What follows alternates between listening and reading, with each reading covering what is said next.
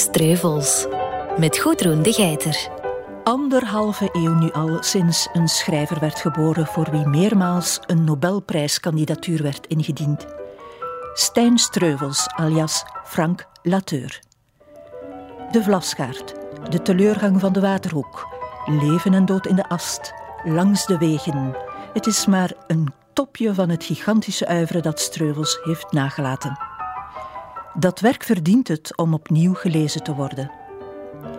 We proberen de eeuw van Streuvels te herbeleven, zo dichtbij als de radio ons daarbij brengen kan. Met schrijvers van nu, met kenners en met nazaten. Leentje van de Meulenbroeke, alias dichteres Jo Giesekin. Hij is vooral mijn grootvader geweest. Is de kleindochter van Stijn Streuvels. En haar man Ludo Simons. Tien maanden later getrouwd. Nam ooit het letterenhuis onder zijn hoede waar nu het archief van Streuvels wordt bewaard door Jeroen Cornili. Dat is een zeer omvangrijk archief, ik denk een vijftigtal meter. Naast brieven en foto's, want Streuvels was ook een verwoed fotograaf, hebben wij dan weer iets wat niet in het letterenhuis zit: zijn stem. Geachte luisteraars, mijn levensloop is verdeeld in drie perioden.